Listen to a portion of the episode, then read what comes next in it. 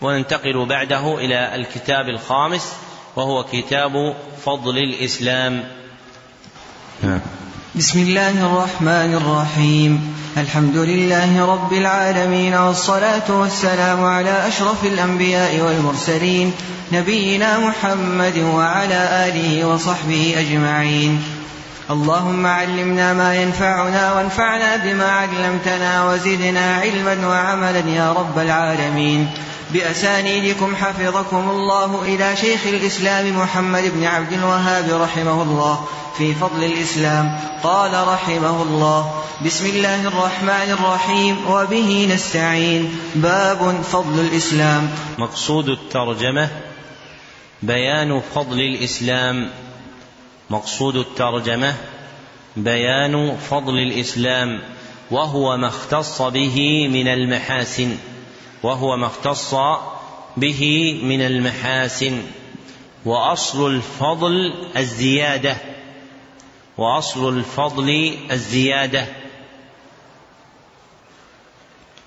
وقدم المصنف رحمه الله تعالى ذكر فضل الإسلام قبل بيان حقيقته تشويقا له وذكر المصنف رحمه الله فضل الإسلام قبل بيان حقيقته تشويقا له. فإن العرب تذكر فضل الشيء قبله تشويقا له إذا كانت حقيقته مكشوفة معلومة. فإن العرب تذكر فضل الشيء قبل حقيقته إذا كانت حقيقته مكشوفة معلومة تشويقا وترغيبا فيه. ذكره أبو الفضل ابن حجر في فتح الباري. ذكره أبو الفضل ابن حجر في فتح الباري. فتقديم فضل الشيء على حقيقته له شرط وموجب.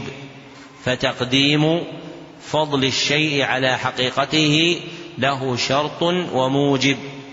فأما شرطه فهو أن تكون حقيقته مكشوفة معلومة. فأما شرطه فهو أن تكون حقيقته مكشوفة معلومة وأما موجبه فهو التشويق إليه والترغيب فيه وأما موجبه فهو التشويق إليه والترغيب فيه. نعم. أحسن الله إليكم قال رحمه الله وقول الله تعالى اليوم أكملت لكم دينكم وأتممت عليكم نعمتي ورضيت لكم الإسلام دينا. وقوله تعالى قل يا أيها الناس إن كنتم في شك من ديني فلا أعبد الذين تعبدون من دون الله. الآية. وقوله تعالى يا أيها الذين آمنوا اتقوا الله وآمنوا برسوله يؤتكم كفلين من رحمته الآية. وفي الصحيح عن ابن عمر رضي الله عنهما أن رسول الله صلى الله عليه وسلم قال مثلكم ومثل أهل الكتابين كمثل رجل استأجر أجرا فقال من يعمل لي عملا من غدوة إلى نصف النهار على قيراط فعملت اليهود ثم قال من يعمل لي من نصف النهار إلى صلاة العصر على قيراط فعملت النصارى ثم قال من يعمل لي من صلاة العصر إلى أن تغيب الشمس على قيراطين فأنتم هم فغضبت اليهود والنصارى وقالوا ما لنا أكثر عملا وأقل أجرا قال هل نقصتكم من أجركم شيئا قالوا لا قال ذلك فضلي أوتيه من أشاء وفيه أيضا عن أبي هريرة رضي الله عنه قال قال رسول الله صلى الله عليه وسلم أضل الله عن الجمعة من كان قبلنا فكان لليهود يوم السبت والنصارى يوم الأحد فجاء الله بنا فهدانا ليوم الجمعة وكذلك هم تبع لنا يوم القيامة. نحن الآخرون من أهل الدنيا والأولون يوم القيامة. أخرجه البخاري. وفيه تعليقا عن النبي صلى الله عليه وسلم أنه قال أحب الدين إلى الله الحنيفية السمحة. انتهى. وعن أبي بن كعب رضي الله عنه قال عليكم بالسبيل والسنة فإنه ليس من عبد على سبيل وسنة ذكر الله ففاضت عيناه من خشية الله فتمسه النار. وليس من عبد على سبيل وسنة ذكر الرحمن فقشعر جلده من مخافة الله تعالى إلا كان كمثل شجرة يابس ورقها إلا تحاتت عنه ذنوبه كما تحات عن هذه الشجرة ورقها. وإن اقتصادا في سنة خير من اجتهاد في خلاف سبيل وسنة. وعن أبي الدرداء رضي الله عنه قال يا حبذا نوم الأكياس وإفطارهم كيف يغبنون سهر الحمقى وصومهم؟ ومثقال ذرة مع بر وتقوى ويقين أعظم وأفضل وأرجح عند الله من عبادة المغترين. ذكر المصنف رحمه الله لتحقيق مقصود الترجمة ثمانية أدلة فالدليل الأول قوله تعالى اليوم أكملت لكم دينكم الآية ودلالته على مقصود الترجمة من ثلاثة وجوه ودلالته على مقصود الترجمة من ثلاثة وجوه أولها في قوله تعالى اليوم أكملت لكم دينكم أولها في قوله تعالى اليوم أكملت لكم دينكم فهو دال على فضل الإسلام من جهتين فهو دال على فضل الإسلام من جهتين فالجهة الأولى أن الإسلام كامل وبلوغ الكمال فضل أن دين الإسلام كامل وبلوغ الكمال فضل والجهة الأخرى أن المكمل له هو الله. أن المكمل له هو الله. وهذا غاية الفضل. وهذا غاية الفضل. وثانيها في قوله تعالى وأتممت عليكم نعمتي. وأجل نعمته الإسلام. وأجل نعمته الإسلام. كما قال تعالى اهدنا الصراط المستقيم صراط الذين أنعمت عليهم والصراط المستقيم هو الإسلام والصراط المستقيم هو الإسلام.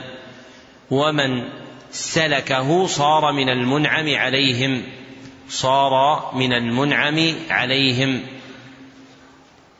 فبالإسلام أتم الله عز وجل علينا النعمة وهذا دال على فضله لأن تحقق النعمة التامة متوقف على وجوده.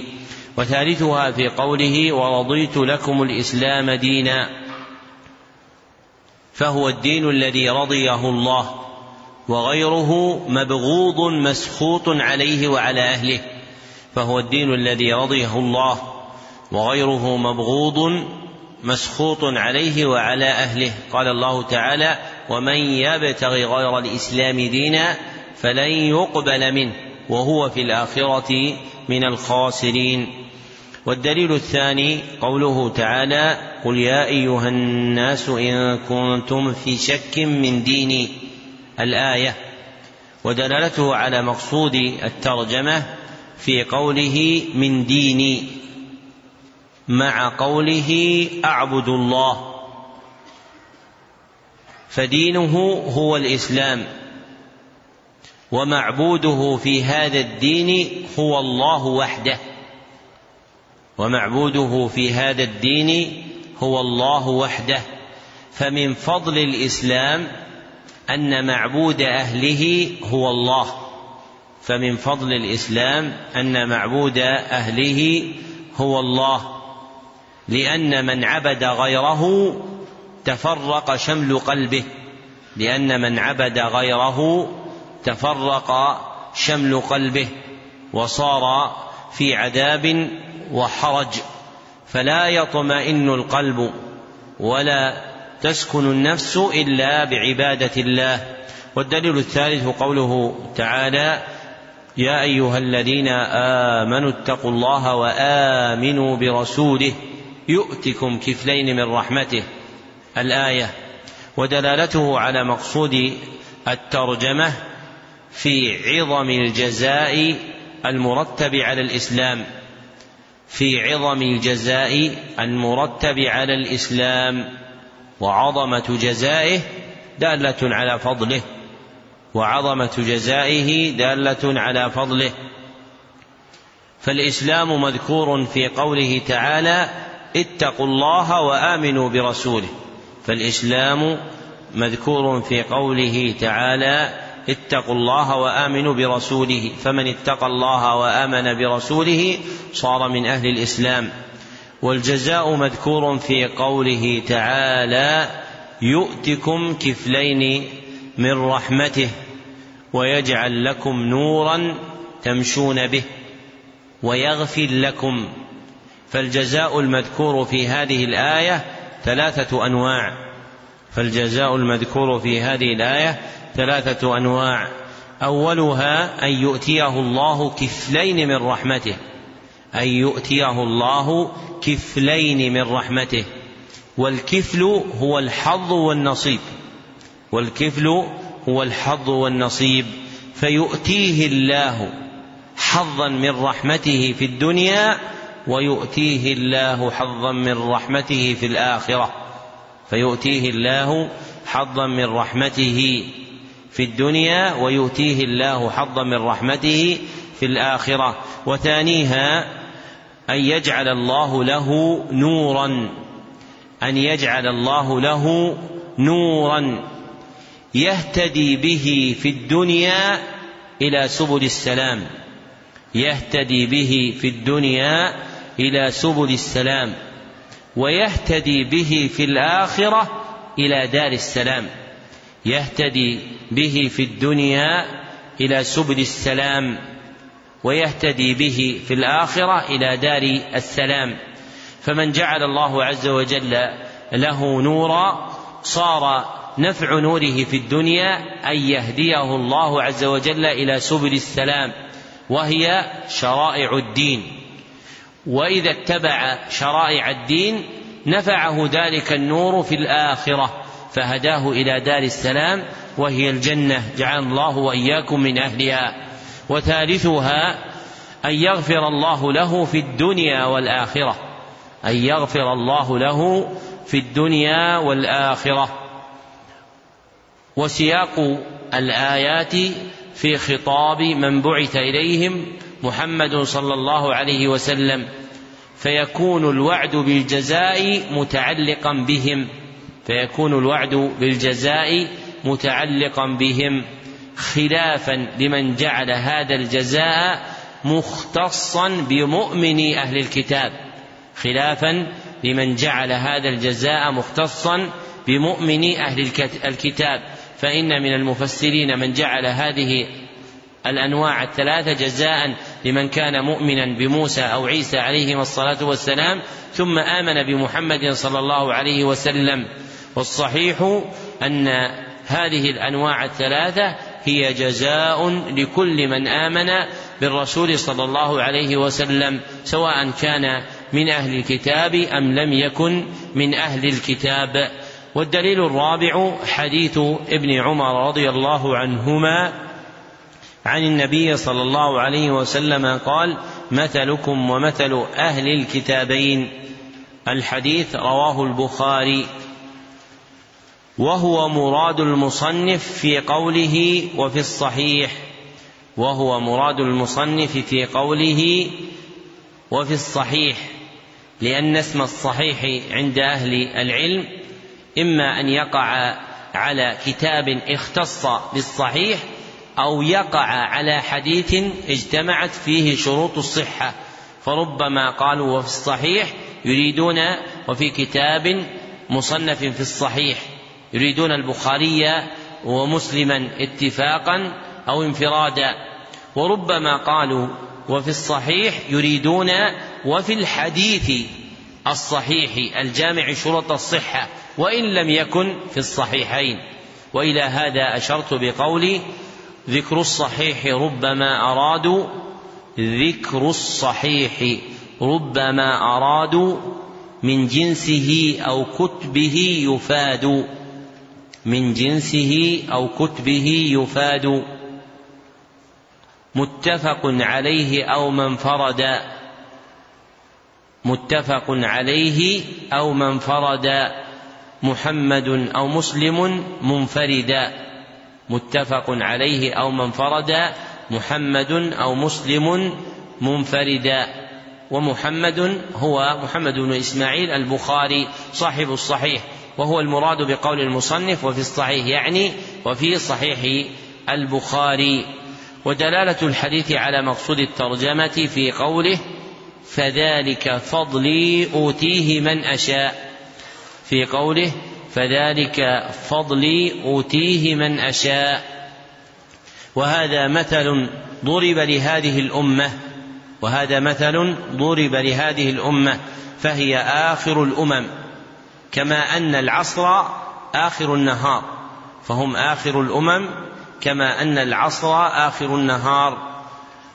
وجعل الله عز وجل لهم من الأجور ما لم يجعل لغيرهم.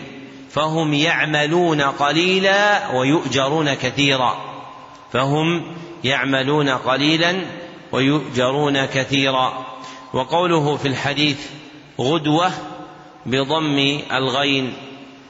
والغدوة أول النهار بين صلاة الفجر وطلوع الشمس.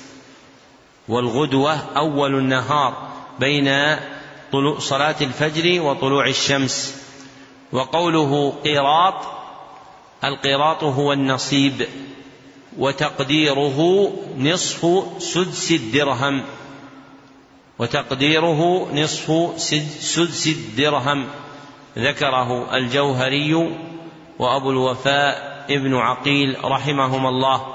والدليل الخامس حديث أبي هريرة رضي الله عنه. قال قال رسول الله صلى الله عليه وسلم أضل الله عن الجمعة من كان قبلنا. الحديث أخرجه بهذا اللفظ مسلم وهو عند البخاري بمعناه. أخرجه بهذا اللفظ مسلم وهو عند البخاري بمعناه.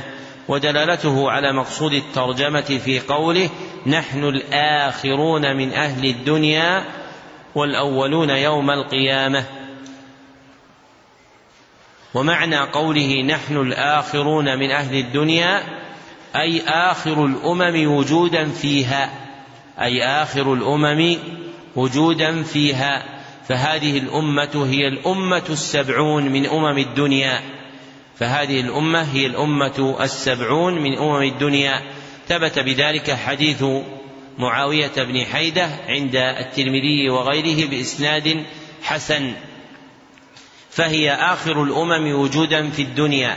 وهي أسبق الأمم يوم القيامة فإن أول الأمم التي تدخل الجنة هي هذه الأمة أمة محمد صلى الله عليه وسلم.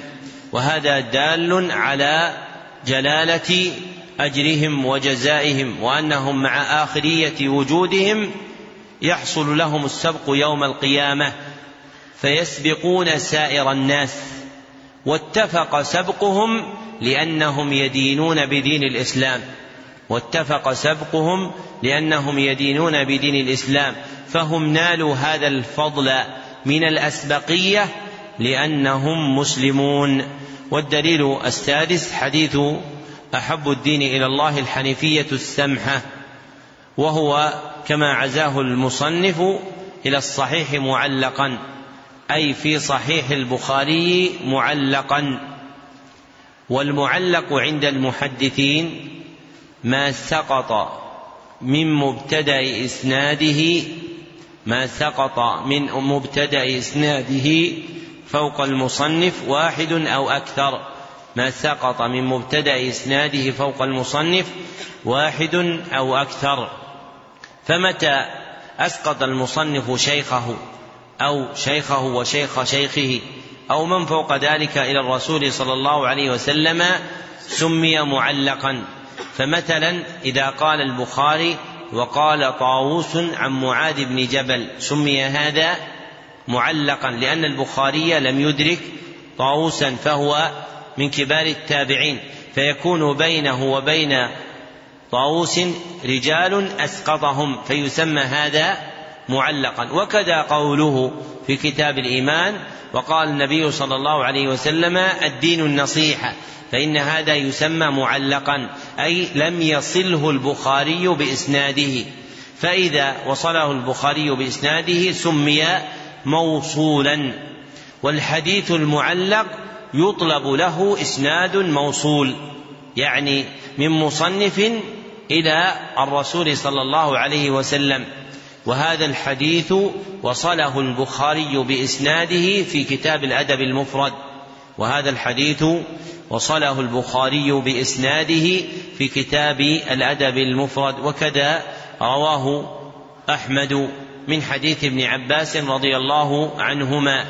وإسناده ضعيف. ويروى له شواهد لا يخلو شيء منها من ضعف. ويروى له شواهد لا يخلو شيء منها من ضعف لكن مجموعها يقوي الحديث ويصير حسنا. فالحديث حديث حسن جزم به العلائي وغيره ودلالته على مقصود الترجمة من وجهين. أحدهما أن دين الإسلام حنيف في الاعتقاد سمح في العمل. أحدهما أن دين الإسلام حنيف في الاعتقاد سمح في العمل وحنيفيته في إقبال العبد على الله وحنيفيته في إقبال العبد على الله وسماحته في يسره وسهولته وسماحته في يسره وسهولته وهذا دال على فضله وهذا دال على فضله. والآخر أنه أحب الدين إلى الله عز وجل والآخر أنه أحب الدين إلى الله عز وجل ومحبته دالة على عظيم فضله ومحبة الله له دالة على عظيم فضله لأن الله عظيم والعظيم لا يحب إلا عظيما لأن الله عظيم والعظيم لا يحب إلا عظيما فأحب الدين إلى الله عز وجل هذا الدين وهذا دال على فضله وشرفه وعلو شأوه. والدليل السابع حديث أبي بن كعب رضي الله عنه موقوفا من كلامه قال عليكم بالسبيل والسنة. الحديث أخرجه ابن المبارك في كتاب الزهد وابن أبي شيبة في كتاب المصنف. وإسناده ضعيف. ودلالته على مقصود الترجمة من وجهين. ودلالته على مقصود الترجمة من وجهين. أحدهما أن الإسلام يحرم العبد على النار. أن الإسلام يحرم العبد على النار. لقوله فإنه ليس من عبد على سبيل وسنة. ذكر الله ففاضت عيناه ذكر الرحمن ففاضت عيناه من خشية الله فتمسه النار أي يبعد ذلك. فالإسلام يحرم صاحبه على النار. والآخر أنه يمحو ذنوب العبد أنه يمحو ذنوب العبد. كما قال وليس من عبد على سبيل وسنة ذكر الله فاقشعر جلده من خشية الله إلا كان مثله مثل شجرة يبس ورقها فبينما هي كذلك كذلك إذ أصابتها ريح فتحات عنها ورقها أي تساقط عنها ورقها إلا تحاتت عنه ذنوبه كما تحات عن هذه الشجرة ورقة ورقها فالإسلام يمحو ذنوب العبد وهذان الأمران وهما تحريم العبد على النار بالإسلام ومحو ذنوبه به جاءت فيهما أدلة متكاثرة من القرآن والسنة إلا أن المصنف عدل عنها إلى ذكر كلام أبي بن كعب رضي الله عنه لما فيه من إنباه إلى الإسلام الذي يحصل به ذلك وهو الإسلام الذي كان عليه النبي صلى الله عليه وسلم لقوله فيه على سبيل وسنة. فمتى كان العبد على السبيل والسنة الذي كان عليه النبي صلى الله عليه وسلم كان ملازما للإسلام الكامل الذي يحصل به للعبد التحريم على النار ومحو ذنوبه؟ والدليل الثامن حديث أبي الدرداء رضي الله عنه موقوفا من كلامه يا حبذا نوم الأكياس وإفطارهم. الحديث أخرجه ابن أبي الدنيا في كتاب اليقين أخرجه ابن أبي الدنيا في كتاب اليقين. وأبو نعيم الأصبهاني في كتاب حلية الأولياء. وفي إسناده ضعف أيضا وفي إسناده ضعف أيضا. ودلالته على مقصود الترجمة ما فيه من أن عمل البر مع حسن إسلام العبد يوجب له مضاعفة أجره. ما فيه من أن عمل البر مع مع حسن إسلام العبد يوجب له مضاعفة أجر عمله. فهو يعمل عملا قليلا ويجر عليه أجرا كثيرا لحسن إسلامه ومتانة دينه. فإذا وقف الناس على أجور أعمالهم حصل لغيره الغبن أي فوات ما يمكن إدراكه أي فوات ما يمكن إدراكه. ممن كان يعمل في الدنيا عملا كثيرا.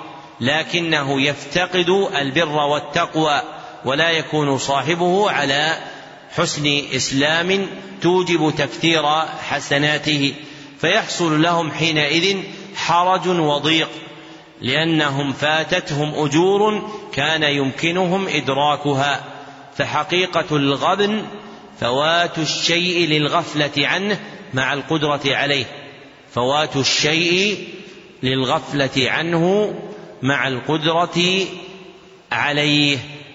فالمغبون في الآخرة من عمل كثيرا لكن بغير تقوى ولا متانة دين. والفائز السابق هو الذي يعمل لله مع حسن دينه وكمال إيمانه فيكثر الله سبحانه وتعالى أجره. ولهذا فإن العبد ينبغي له أن يتطلب حسن إسلامه في عمله وأن يكون عمله على وجه الإحسان مخلصا لله عز وجل متبعا رسول الله صلى الله عليه وسلم دون مجرد تكثير العمل.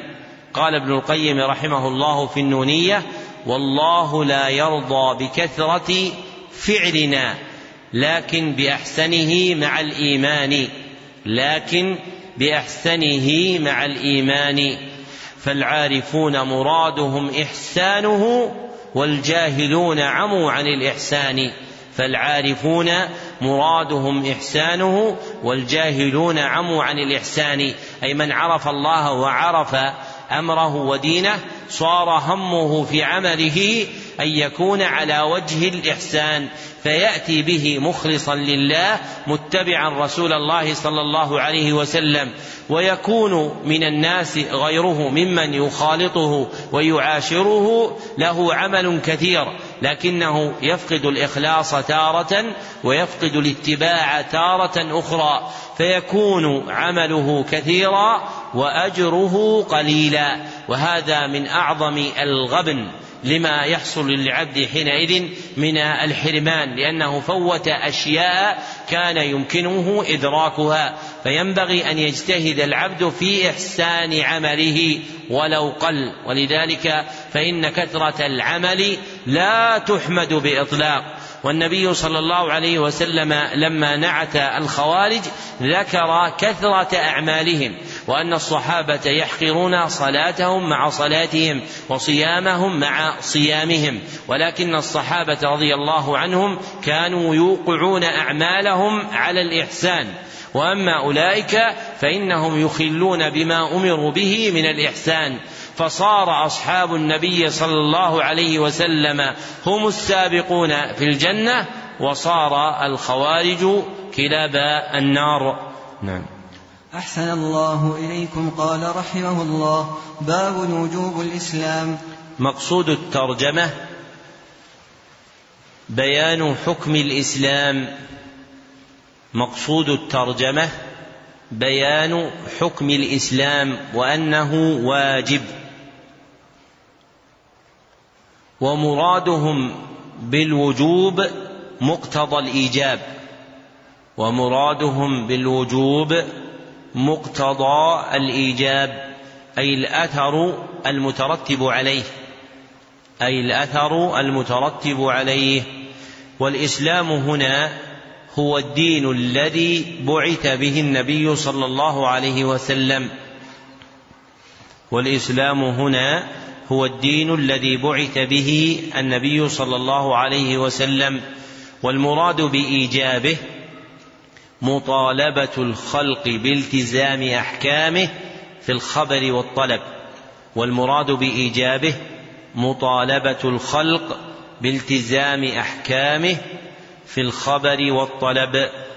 نعم. أحسن الله إليكم قال رحمه الله وقول الله تعالى ومن يبتغ غير الإسلام دينا فلن يقبل منه وهو في الآخرة من الخاسرين. وقوله تعالى إن الدين عند الله الإسلام. وقوله وأن هذا صراطي مستقيما فاتبعوه ولا تتبعوا السبل فتفرق بكم عن سبيله. الآية قال مجاهد السبل البدع والشبهات. وعن عائشة رضي الله عنها أن رسول الله صلى الله عليه وسلم قال من أحدث في أمرنا هذا ما ليس منه فهو رد أخرجاه. وفي لفظ من عمل عملا ليس عليه أمرنا فهو رد. وللبخاري عن أبي هريرة رضي الله عنه قال قال رسول الله صلى الله عليه وسلم كل أمتي يدخلون الجنة إلا من أبى. قيل ومن يأبى؟ قال من أطاعني دخل الجنة ومن عصاني فقد أبى. وفي الصحيح عن ابن عباس رضي الله عنهما أن رسول الله صلى الله عليه وسلم قال أبغض الناس إلى الله ثلاثة ملحد في الحرم ومبتغ في الإسلام سنة جاهلية ومطلب دم امرئ بغير حق ليهريق دمه. قال شيخ الإسلام ابن تيمية قدس الله روحه قوله سنة جاهلية. يندرج فيها كل جاهلية مطلقة أو مقيدة أي في شخص دون شخص كتابية أو وثنية أو غيرهما من كل مخالفة لما جاءت به المرسلون. وفي الصحيح عن حذيفة رضي الله عنه قال يا معشر القراء استقيموا فإن استقمتم فقد سبقتم سبقا بعيدا فإن أخذتم يمينا وشمالا فقد ضللتم ضلالا بعيدا. وعن محمد بن وضاح أنه كان يدخل المسجد فيقف على الحلق فيقول فذكره. وقال أنبأنا ابن عيينة عن مجالد عن الشعبي عن مسروق قال قال عبد الله يعني ابن مسعود رضي الله عنه ليس عام إلا والذي بعده شر منه. لا أقول عام أخصب من عام ولا أمير خير من أمير لكن ذهاب علمائكم وخياركم. ثم يحدث أقوام يقيسون الأمور بآرائهم فينهدم الإسلام ويثلم. ذكر المصنف رحمه الله لتحقيق مقصود الترجمة ثمانية أدلة. فالدليل الأول قوله تعالى ومن يبتغ غير الإسلام دينا فلن يقبل منه. الآية ودلالته على مقصود الترجمة ما فيه من وعيد من ابتغى سوى الإسلام دينا. ما فيه من وعيد من ابتغى سوى الإسلام دينا. والوعيد الموجب للخسران لا يكون إلا على فعل محرم أو ترك واجب والوعيد الموجب للخسران لا يكون إلا على فعل محرم أو ترك واجب. والمتوعد عليه هنا هو فعل محرم وهو ابتغاء دين غير دين الإسلام والمتوعد عليه هنا هو فعل محرم وهو ابتغاء دين غير دين الإسلام. ولا تتحقق السلامة من ابتغاء غير الإسلام دينا إلا بالدخول في الإسلام.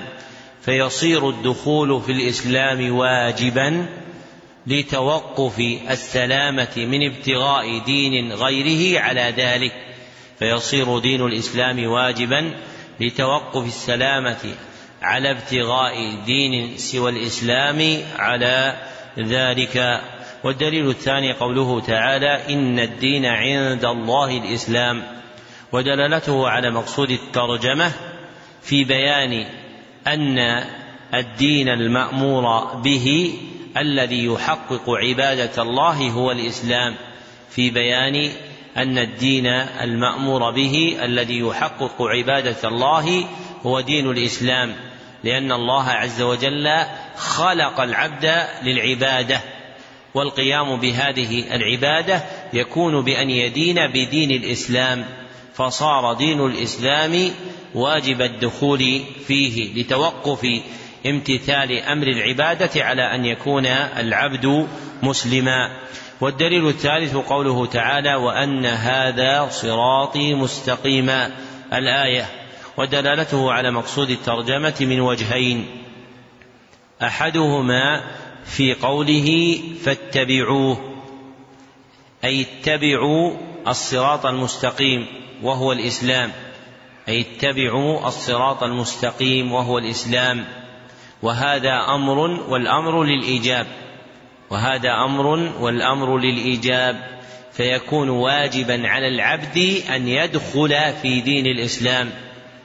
والآخر في قوله تعالى في تمام الآية ولا تتبعوا السبل فتفرق بكم عن سبيله وهو نهي عن اتباع السبل المفرقة المباعدة للإسلام وهو نهي عن اتباع السبل المفرقة المباعدة للإسلام والنهي يقتضي التحريم.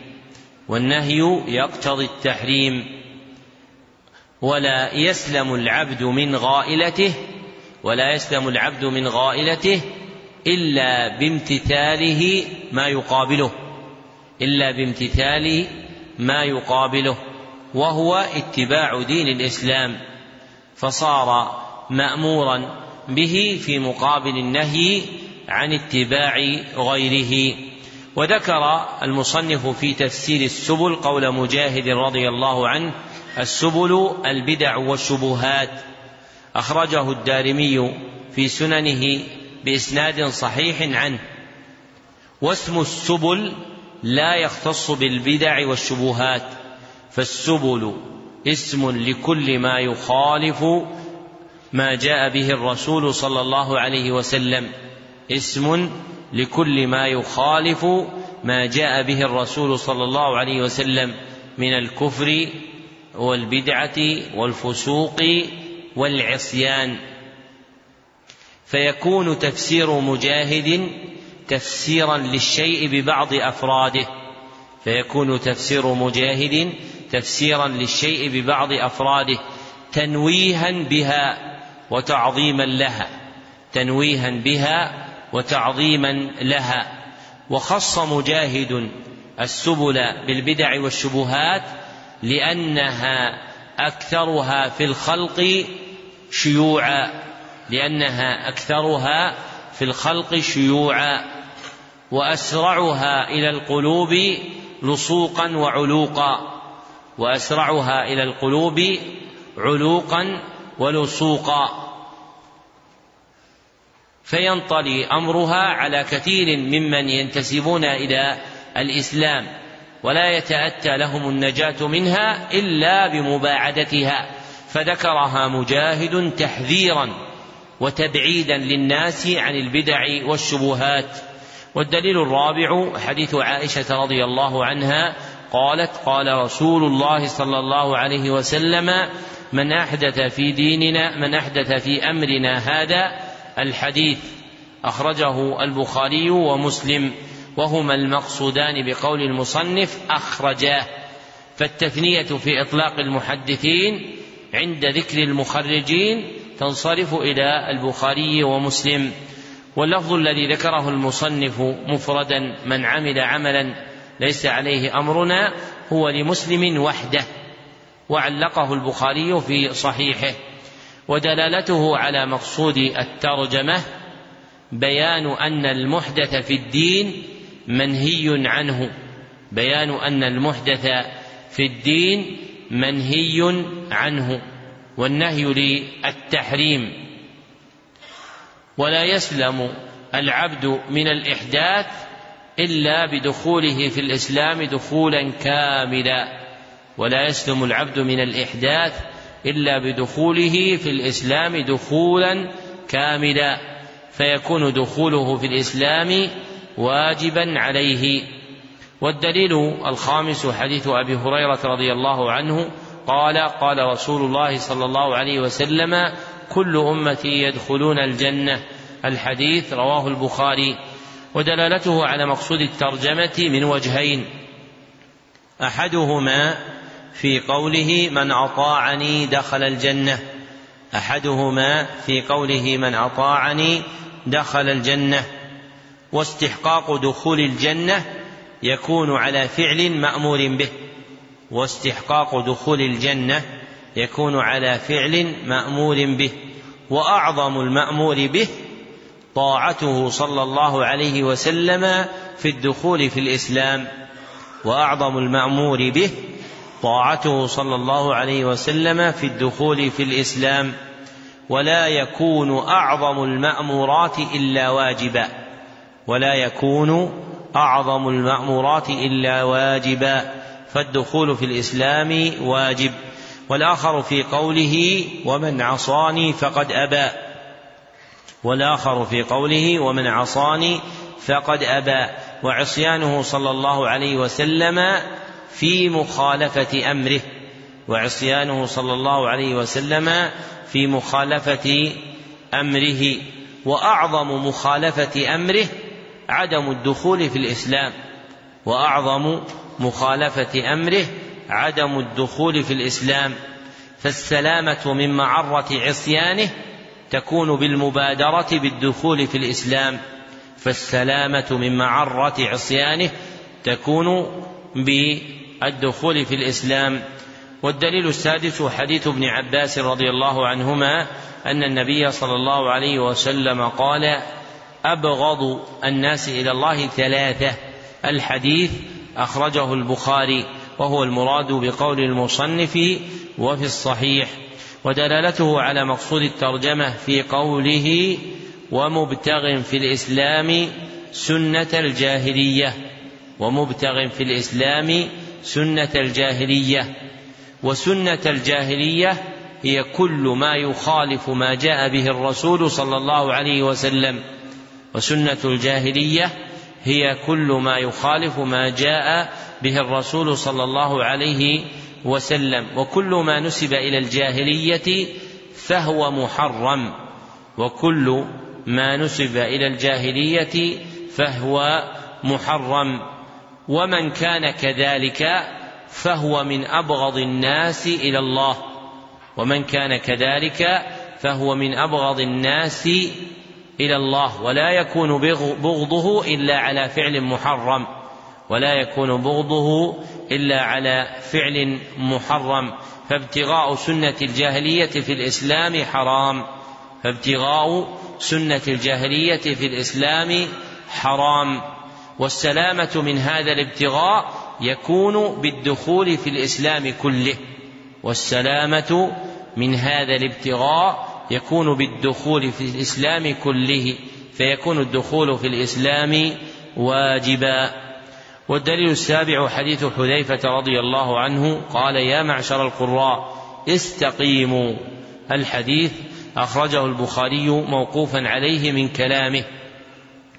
وزيادة بن وضاح التي ذكرها المصنف هي عنده في كتاب البدع والنهي عنها وإسنادها صحيح ورواها من هو أقدم منه كابن أبي شيبة في المصنف فالعزو إليه أولى ودلالته على مقصود الترجمة في قوله استقيموا مع قوله فإن أخذت أخذتم يمينا أو شمالا فقد ضللتم ضلالا بعيدا. فإنه أمرهم بالاستقامة. ولا تحصل الاستقامة إلا بالدخول في الإسلام كله. ولا تحصل الاستقامة إلا بالدخول في الإسلام كله.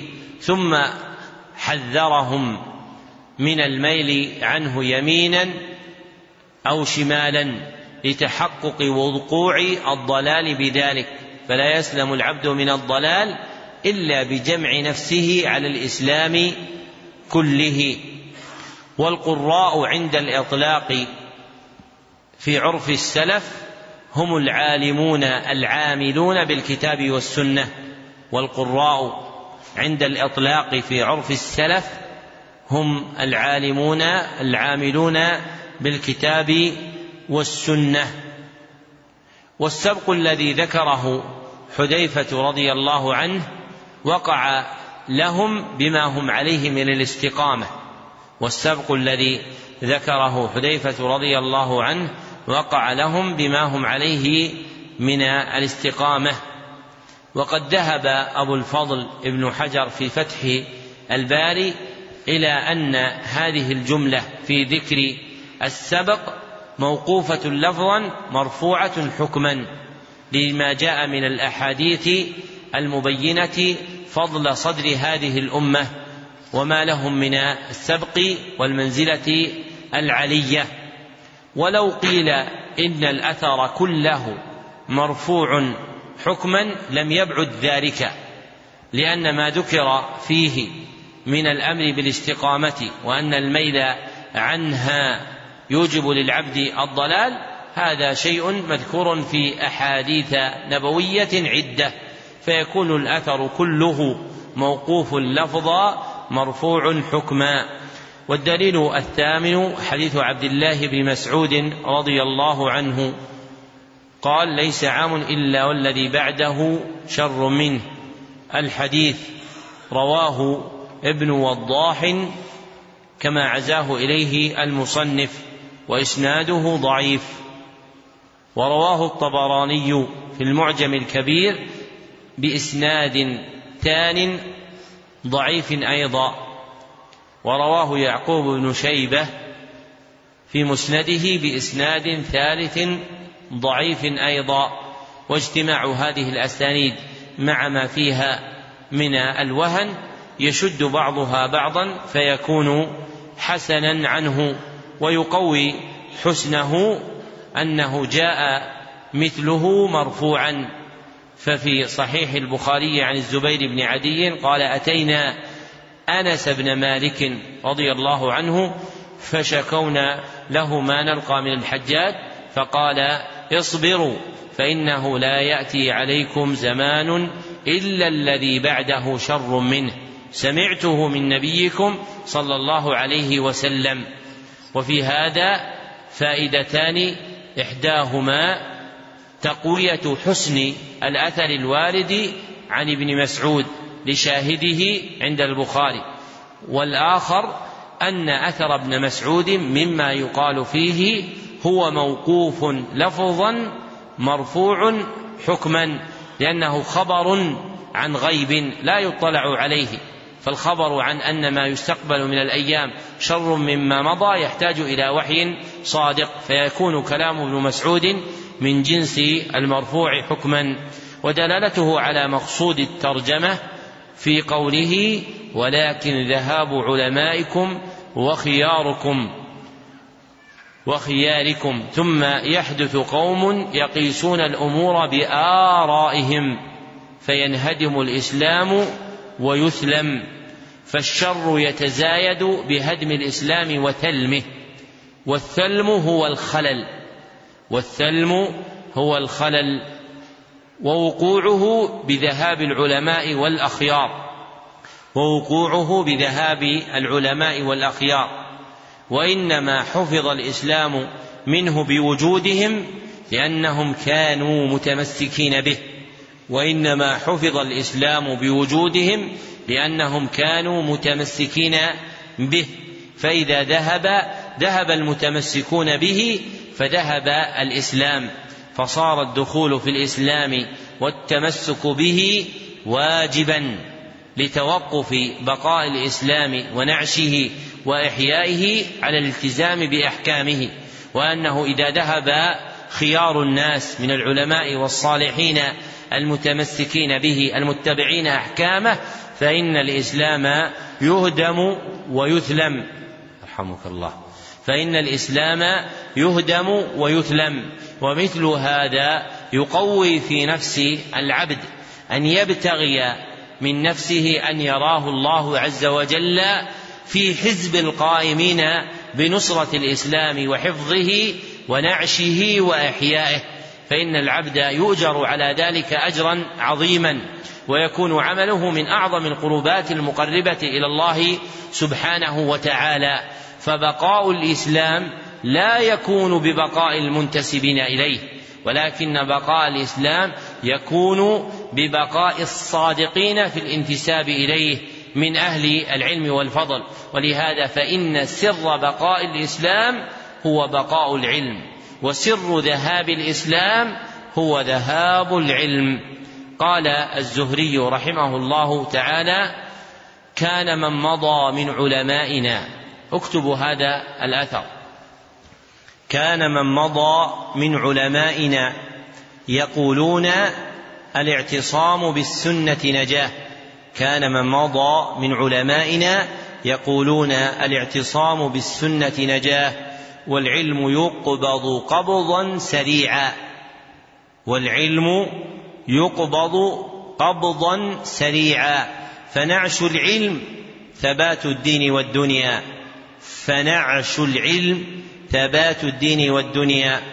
وفي ذهاب العلم ذهاب ذلك كله. فنعش العلم ثبات الدين والدنيا. وفي ذهاب العلم ذهاب ذلك كله. رواه الدارمي وإسناده صحيح. رواه الدارمي وإسناده صحيح. والمراد بنعش العلم إحياؤه وبثه ونشره. والمراد بنعش العلم إحياؤه وبثه ونشره. وهذا الخبر ذكره الزهري وهو أحد التابعين عمن مضى من العلماء. ويريد بهم الصحابة رضي الله عنهم.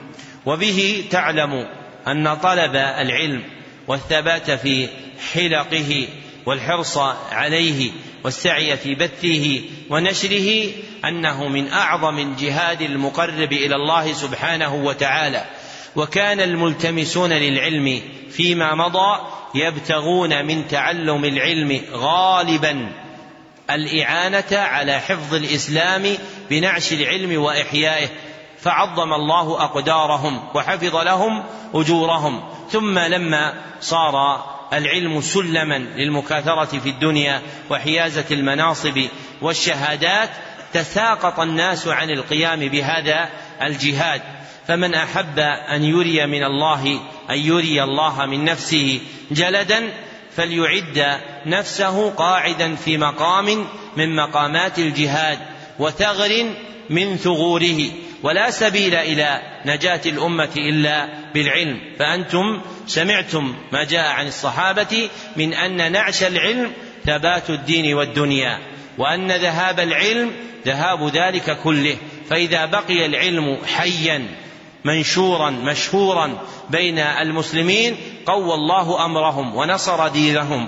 وإذا كانوا جهالا بدينهم فإنهم لا يقومون بحقه فيسلط الله عز وجل أعداءهم. فإن الله قال وهو أصدق قيلا ولن يجعل الله للكافرين على المؤمنين سبيلا فمتى كان المنتسبون إلى الإسلام أهل الإيمان وإيمانهم متوقف على العلم فإن النصرة لهم لا محالة والظهور لهم لا محالة. ومن ابتغى ظهور الأمة بغير ذلك فإنه لا سبيل إليه. وقد رأينا في تقلبات الأيام ما يدل على صدق ذلك. فاجتهدوا يا طلاب العلم في الذود عن دينكم وبثه ونشره فإنه ثبات الدين والدنيا. واحذروا من أن تكونوا اقماعا للقول. يدخل القول في أذن أحدكم ثم يخرج من الأذن الأخرى ولا يكون له مقام من تبليغ الدين ونشره. نسأل الله سبحانه وتعالى أن يجعلنا من الداعين إليه الساعين في حفظ دينه وأن يتولانا برحمته ويكلانا برعايته. وهذا آخر القدر المقروء من هذا الكتاب. ونتم بقيته إن شاء الله تعالى في درس الفجر غدا.